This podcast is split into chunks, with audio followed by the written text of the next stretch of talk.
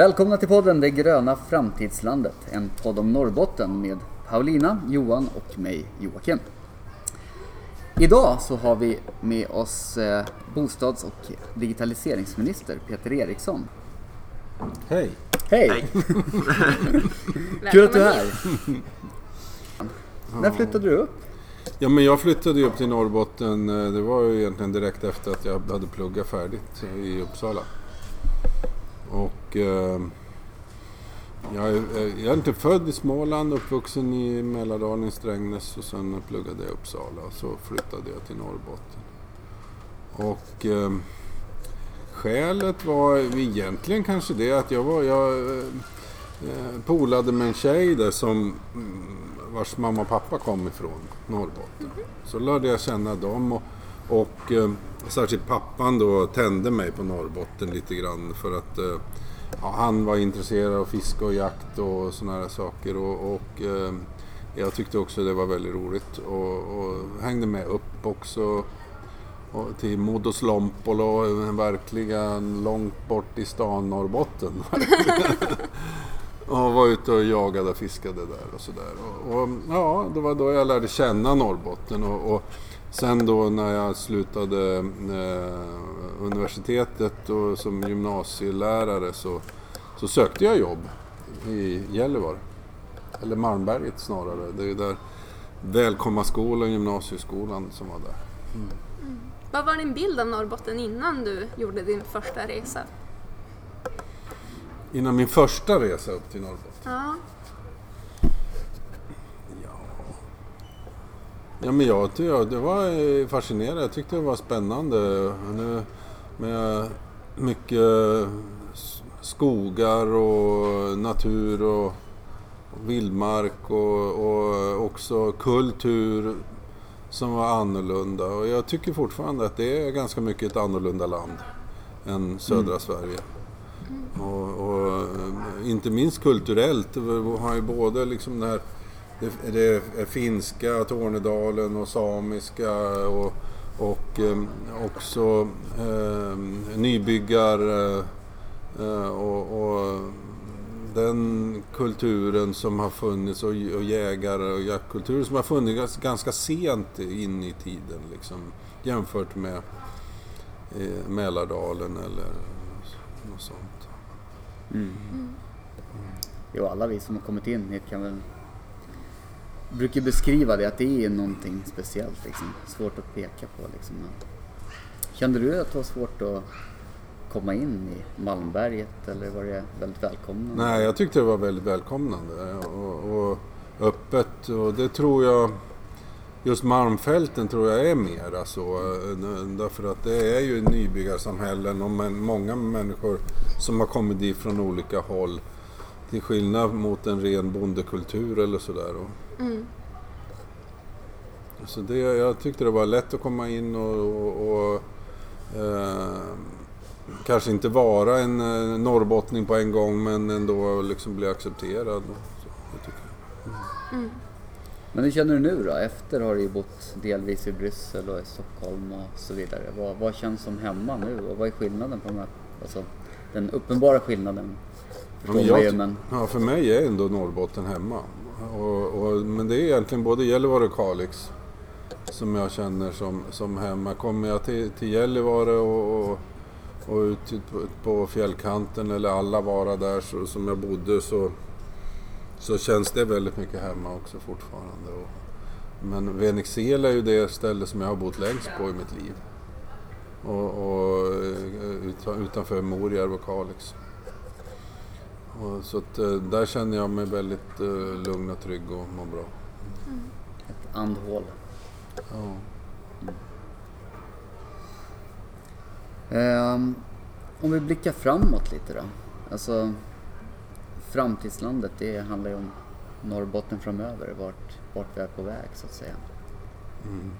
Ehm, Ja, jag tycker en, en sak med Norrbotten är ju just eh, det här att, att eh, för, för hundra år sedan så hände det väldigt mycket. Man eh, exploaterade älvarna och, och, och i början på 1900-talet kom det igång och järnvägen byggdes och, och mm, gruvorna som har präglat Norrbotten väldigt mycket eh, kom igång. Så det var ju väldigt mycket det här med spränga och eh, kraft och gruvor och el och, och de här tunga sakerna och industrierna som kom också med, med skogsavverkningarna och massaindustrin och, och, och flottningen och de här riktigt tunga grejerna som, och ganska mansdominerade eh, typen. Men, men eh, och, och, det har ju präglat eh, Norrbotten väldigt mycket, alla de sakerna. Men idag är det ju andra, andra näringar. Och det tror jag är någonting som jag, tror, jag uppfattar att det är många norrbottningar som inte riktigt liksom har tagit in det nu. Att nu är det en sån helt annorlunda eh, kultur och ett annorlunda näringsliv som hade kommit in och dominerar och präglar på ett annat sätt det nya eh, Norrbotten. Och, och eh, det är mycket mer än vad man kanske tänker sig först. Gröna hållbara näringar som eh, har stor betydelse för hur samhället ska, kommer att utvecklas och präglas framöver. Mm. Mm. Ja, jag, jag, håller verkligen med dig. Alltså verkligen min uh, uppfattning, särskilt i Luleå, känns det som att det är, det är väldigt mycket den staden, det ligger kvar i DNA det här med stålbruket och sånt där. Men det är någonting som lite är på väg bort. Alltså inte riktigt, det är ju fortfarande kvar. Det finns men, ju kvar ja. Men det, mm. det, är inte lika många som jobbar där längre. Och, alltså på uppgång känns det, det Luleå känns mycket med kulturen och sånt där som är en stor del av stan mm. också. Det är mm. någonting man är stolt över. Men, eh, mm. äh, men det är liksom två delar av, av, äh, av Luleå liksom. Mm. Stålverket och, och, och, kopplingen till, till Malmfälten är ju fortfarande väldigt viktig för Luleå. Men det är inte det som stan växer på. Och det, nu växer ju stan på helt andra. Det är universitetet, kulturen och Facebook och, och sådana näringar som, som äh, är det som äh, växer och det som, som skapar framtiden egentligen. Och det är ju mm. väldigt intressant.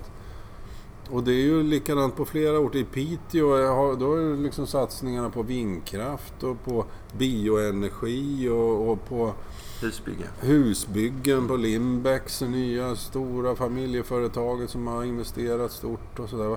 Och, det, och, och det, det, tycker jag är väldigt intressant när man verkligen sätter sig ner och tittar på vad är det för företag och industrier som växer. Ja, det är en helt annan kategori än den bilden som man har av Norrbotten, de flesta i alla fall fortfarande har. Mm. Och det är en väldigt positiv utveckling på många sätt därför att det är, det är liksom väldigt framtidsinriktade och hållbara näringar som också underlättar för både män och kvinnor, ett mer jämställt samhälle också i, i stor utsträckning. Och turismen är också någonting som växer starkt. Mm. Och, och det där eh, kräver Eh, Eh, en annan bild i huvudet eh, på oss som är norrbottningar. Vi måste lära oss att den nya tiden och de nya näringarna, de kräver faktiskt att vi tänker om. Det, det, är inte nu att plana och spränga och, och asfaltera som är de viktiga grejerna i första hand, utan nu är det andra saker som är viktiga för att vi ska kunna gynna de här näringarna och få den här utvecklingen att fortsätta som vi vill. Måste jag ta upp, eh, du är också bostadsminister. Mm. Eh, och framförallt i Malmfälten men även på andra håll här så har vi ju utmaningen med stadsflytten och byggandet och hela den biten. Hur, hur ser du på det Peter framöver? Ja, jag tycker att det är en, en, en eh, viktig utmaning där staten måste också ha ett ansvar eftersom det är ett statligt företag nu som skapar hela den här förändringen. Pressad bomarknad där så att säga. Mm. Nej, jättekul att höra. Det där är, jag har ju själv varit ganska engagerad i Malmfälten, i lokalpolitiken där tidigare. Ja, visst. Mm. Står inför många utmaningar. Mm. Jag tycker det är roligt att Miljöpartiet har varit eh, starka nu de sista åren i, mm. I, i Gällivare och, och det är kul att, att se att vi har så pass duktiga människor där så att eh, de har verkligen gjort en stor insats tycker jag och medverkat i den här förändringen. Du och dina kompisar som, som är kvar i Gällivare, mm. du har ju flyttat till Luleå. Men eh, det, det har varit viktigt och, och, och det har bidragit starkt till att faktiskt eh, Gällivare har fått bättre fart i omställningen också i stan. Det, det präglar ju, det syns ju verkligen Ja. i stan att det händer saker där.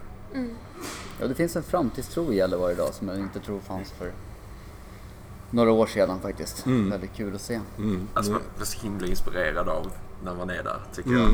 jag. Eh, Jag har inte varit där jättemycket men eh, ja, när Vi man ska hör dem snacka. Ja, ja. ska dit nästa vecka. Men det- det är verkligen en möjlighet att, att gö- göra omställningen också. Liksom. Eh, Att man kan Ja. se det positiva i det i en ganska jobbig situation. Mm. Mm. Det är jätteinspirerande. Verkligen. Vi får väl helt enkelt tacka så mycket. Tack så du ha. Mm. Tack. Tack.